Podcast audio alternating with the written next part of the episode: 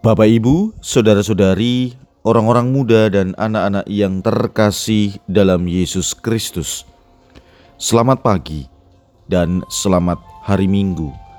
Salam bahagia dan salam seroja untuk kita semua. Berkah dalam. Bersama dengan saya Romo Antonius Garbito Pambuaji menyampaikan salam dan berkat Allah yang Maha Kuasa dalam nama Bapa dan Putra dan Roh Kudus. Amin. Marilah kita berdoa. Ya Allah, kami percaya bahwa juru selamat manusia telah bersatu dengan Dikau dalam kemuliaan. Dengan rendah hati, kami mohon semoga kami boleh merasakan bahwa ia senantiasa menyertai kami sampai akhir zaman seperti yang dijanjikannya. Dan selalu mencondongkan telinganya untuk mendengarkan serta mengajar kami untuk tahu, mendengarkan dan saling mendengarkan satu sama lain.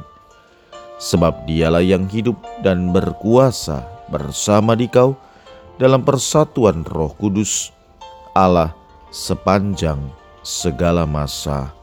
Amin.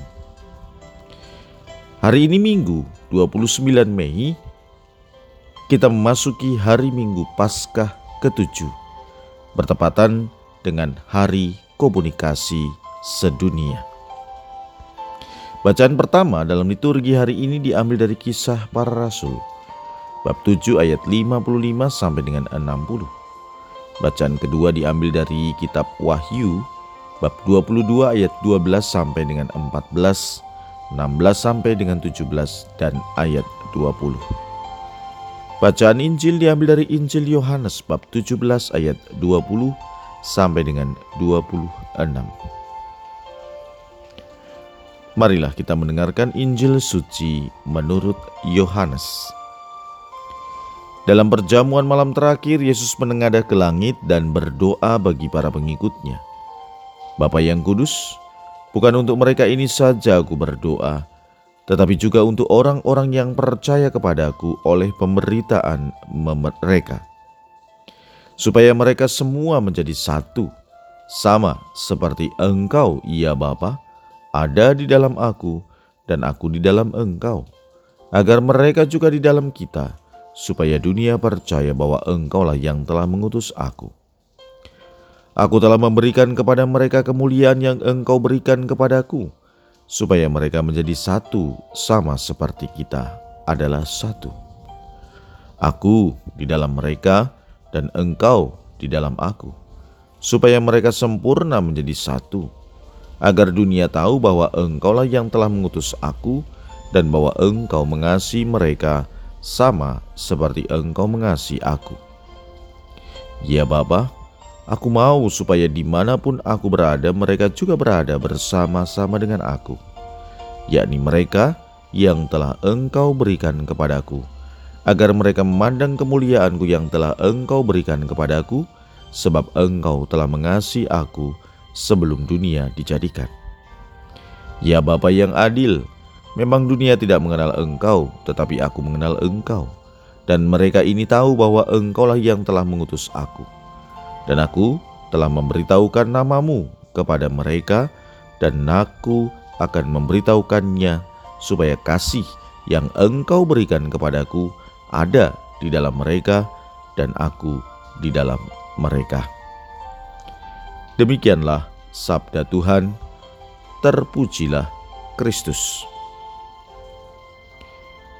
Bapak, Ibu, saudara-saudari yang dikasih Tuhan, Hari ini gereja mengajak kita untuk merayakan Hari Minggu Komunikasi Sedunia ke-56.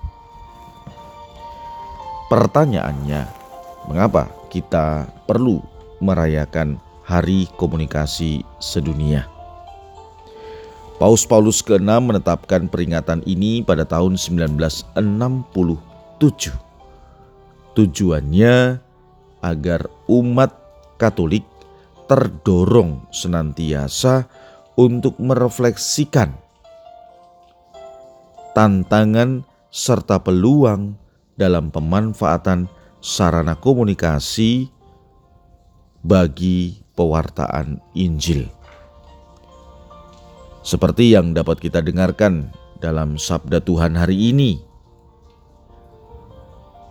ada unsur-unsur komunikasi.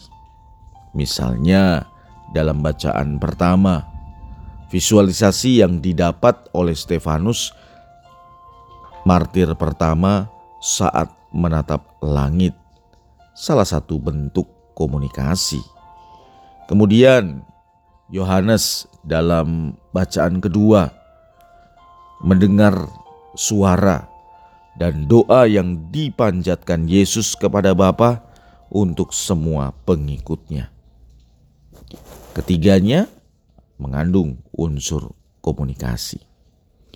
Secara khusus, dalam bacaan Injil, Yesus sendiri mengajarkan kepada kita bahwa komunikasi yang baik penting dalam membangun hidup doa atau hidup rohani kita. Bentuknya adalah doa kepada Bapa. Kepada kita Yesus menunjukkan cara berkomunikasi yang baik. Lebih-lebih ia tidak hanya berdoa bagi dirinya sendiri tapi juga bagi orang banyak. Saudara-saudari yang terkasih, bertepatan dengan Hari Komunikasi Sedunia ke-56, Paus Fransiskus mengangkat tema mendengarkan. Mendengarkan dengan telinga hati, lebih tepatnya itu yang diangkat oleh Paus Fransiskus. Mengajak kita untuk merenungkan bahwa mendengarkan melibatkan lebih dari sekedar indera pendengaran. Mendengarkan dengan benar adalah dasar dari hubungan yang sejati dan merupakan dasar dari hubungan antar Tuhan dan umat manusia.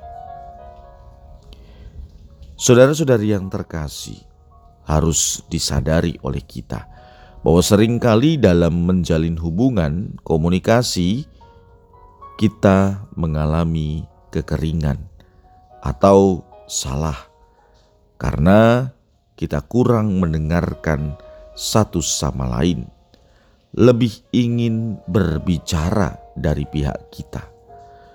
Paus Fransiskus mengajak kita untuk mendengarkan menjadi salah satu unsur pertama yang sangat diperlukan dari pembicaraan atau dialog dan komunikasi yang baik.